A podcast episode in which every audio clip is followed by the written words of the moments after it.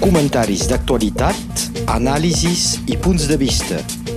La crònica d'opinió amb el professor Joan Becat.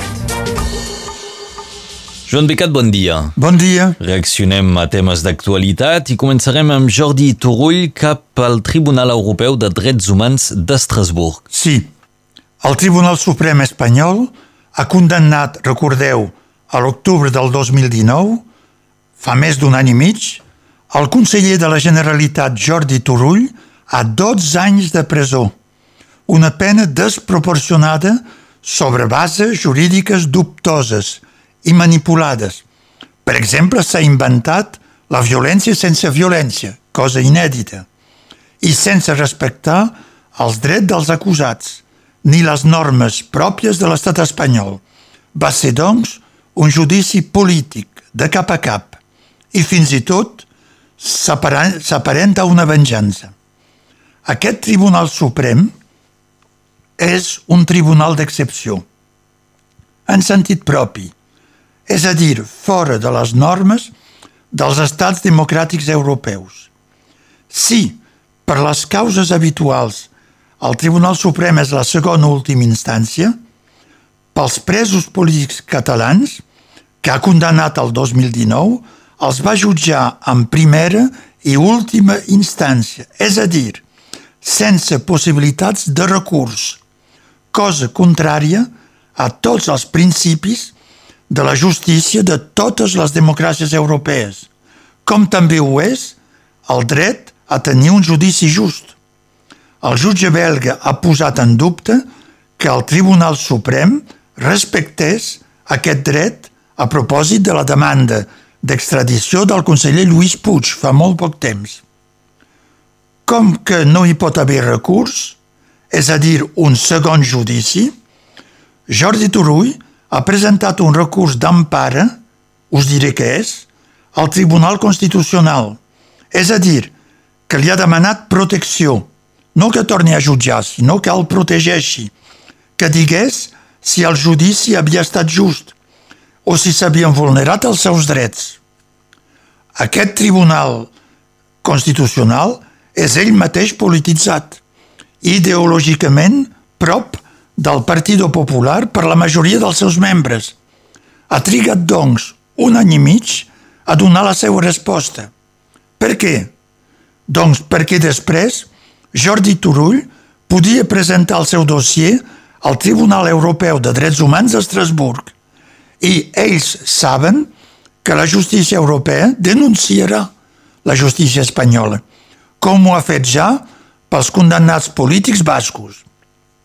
Doncs, la setmana passada, el Tribunal Constitucional ha confirmat la sentència del Tribunal Suprem. Tothom s'hi esperava, i amb el que acaba de dir sembla evident. I, immediatament, els advocats de Jordi Turull i altres condemnats han anunciat que anaven a presentar el cas al Tribunal Europeu. No se li pot presentar a Europa que quan s'ha aixugat totes les possibilitats dins l'Estat. Per això va anar al, tribu al Tribunal Constitucional sapiguent que confirmaria. Però hi ha un element nou i positiu, perquè dos dels magistrats del Tribunal Constitucional han fet un vot particular, és a dir, que han escrit, al final de la sentència, una argumentació contrària a la decisió majoritària. I això serà molt útil a Estrasburg. En efecte, no posen en dubte la gravetat de la desobediència, fent el referèndum i declarant la independència, però escriuen que la condemna és desproporcionada i no s'ajusta a les normes de les justícies europees. És a dir, que ells mateixos confirmen una part de les queixes de Jordi Turull i reconeixen que el judici no va ser just. Dubten també del delicte de sedició. Diuen textualment que la desproporció de les penes, citació, s'allunya de les tradicions constitucionals comunes dels estats membres de la Unió Europea. Vol dir que Espanya és fora. A partir d'ara comença, doncs, una altra etapa. Aquesta vegada fora de l'estat espanyol i del seu sistema judicial repressiu neofranquista. Però encara pot durar anys, amb sempre Jordi Turull a la presó, que és que el que volia el Tribunal Suprem. Mm -hmm. Doncs a veure ara cap a Estrasburg és la pròxima etapa. Sí. Passem a un altre tema. Ara ens vols parlar dels pseudoarguments jurídics contra les llengües regionals. Efectivament. Tot, tot i que aquest tema no con, concerneixi les llengües regionals i el seu reconeixement, eh, doncs no és directament relacionat a l'actualitat, com veureu, sinó que és destinat a us fer conèixer les barbaritats jurídiques que s'han escrit a França sobre les llengües regionals. Se tracta de juristes francesos de primer pla sobre els quals se basa la doctrina jurídica estatal que ha prohibit que França ratifiqui qualsevol acord internacional sobre els drets lingüístics o el reconeixement de les llengües minoritàries o regionals. Trobem, per exemple, aquests falsos raonaments dins el conegut rapport Carcassonne de l'any 1998. Pot semblar lluny, però veureu que no. Té per títol aquest, aquest rapport Étude sur la compatibilité entre la Charte européenne des langues régionales ou minoritaires et la Constitution, française évidemment, rapport au Premier ministre. És sobre aquesta base d'aquest informe que el Consell Constitucional, ARICEM, va prohibir la ratificació d'aquesta carta l'any 1999. És aquest mateix Consell Constitucional que està actualment examinant el recurs contra la llei Molac i, evidentment, utilitzarà les seves decisions anteriors. I sem al mig. Aquest informe Carcassonne està penjat a internet a la web oficial de la República Francesa, a viepublique.fr. Ho podeu llegir, veure el text i comprovar el que us diré ara. Els raonaments són a base de sofismes, és a dir, argumentació fal·lacioses que comencen per una afirmació inexacte científicament o un aspecte concret, secundari, seguit per una demostració en aparença de rigor, que acaba amb una conclusió d'aparença lògica, però enganyosa, desviada. De fet, són demostracions no pensades per a estudiar el tema tractat, aquí les llengües regionals, sinó per justificar una posició política i ideològica prèvia. Principalment, es vol demostrar que les llengües regionals no són territorials, malgrat que siguin regionals, i que no siguin llengües col·lectives, quan una llengua, una llengua és sempre una pràctica social, doncs col·lectives. Per tant, com que no són ni un ni l'altre, no han de tenir drets territorials ni drets col·lectius, que és on es volen a parar. Aviam si nos pots donar qualques arguments dels que presenten ells. N'hi ha diversos. Si examinem els punts principals desenvolupats pel professor Carcassonne, malgrat el seu nom, és nascut a París i amb una carrera universitària i política parisenca, I deus, potser monolingua. És possible. Per exemple, diu, tradueixi, el reconeixement de les llengües regionals o minoritàries com a riquesa cultural, és també la llei Molac, faig remarcar, continua, consisteix a organitzar progressió com a llengua més que donar drets al profit dels seus locutors. Agafeu-vos.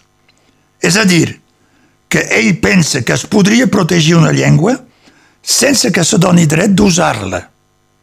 Sobre aquest aspecte més que sorprenent, afegeix, citació, la primera tria encertada de la Carta Europea ha estat de preocupar-se de les llengües més que d'aquests que les parlen, car, segons ells, és perquè són definides com a riquesa cultural, doncs és riquesa cultural de França i no dret d'un d'usar-la.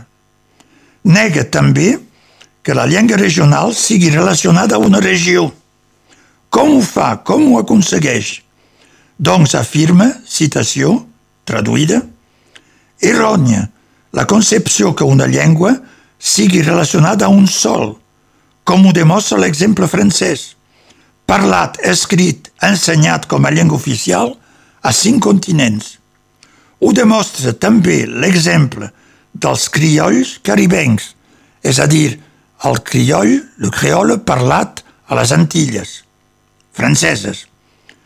Continuï, que compten avui dia més locutors en regió parisenca que a les Antilles. La mateixa remarca val també, diu, per la llengua corsa, que té més locutors sobre el continent. Per tant, arriba amb el seu sofisme a la conclusió que la llengua corsa no és de Còrsega, sinó de tot França. I, per tant, no cal donar drets territorials a Còrsega com a llengua d'una regió. Per revelar la seva demostració al·lucinant, afegeix De fet, la veritable localització d'una llengua és al servei de qualsevol persona que la coneix i, per tant, se mou tant com ell. Per tant, per ell no és regional.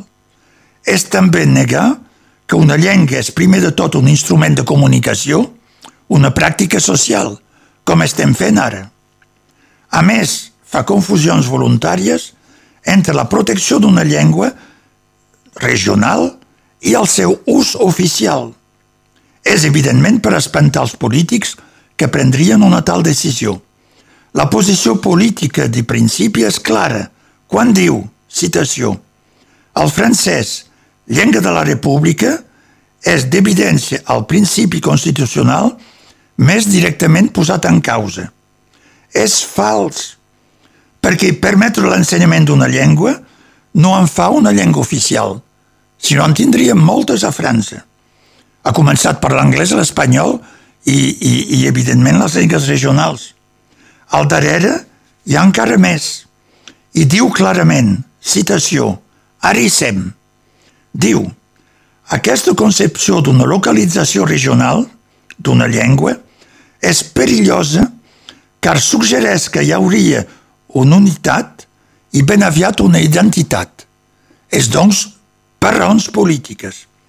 Parem aquí aquest rosari d'afirmacions increïbles. Però abans d'acabar, us vull citar una última perla entre moltes altres. Diu, les llengües i llur localització eventual són un producte de la història, no de la naturalesa. Són lligades als homes, no al sol, Ningú, per exemple, no ha sentit parlar un tros de terra o una roca. Ni tampoc a la sang. Un nen que neix no té llengua. Té només una facultat de llenguatge. Per tant, no hi ha regions. Us pot fer somriure. Però amb aquest tipus de pseudo-raonaments dignes d'una conversa de la vara d'un bar, que s'argumenta en un informe oficial per negar el reconeixement de les llengües regionals – se veu a través de tots aquests elements a quin punt, amb quins falsos arguments i fal·laciosos aquests juristes poden determinar el nostre futur lingüístic. Són dins un altre món que el real. És artificiós, però, ai té conseqüències concretes perquè se consideren com soldats d'una creuada contra les llengües regionals al servei d'un estat etnocidi que vol només una sola llengua. Doncs ve d'aquí comentaris sobre aquesta, aquesta consideració de les llengües regionals a l'estat francès, una situació eh, doncs, eh, un poc preocupant. Ens ho hem de deixar aquí per avui. Sí. Se'ns acaba el temps. Moltes gràcies, Joan Becat, per haver estat en directe un cop més aquí a Radio Arrels. Bon dia a totes i a tots. Comentaris d'actualitat, anàlisis i punts de vista la crònica d'opinió amb el professor Joan Becat.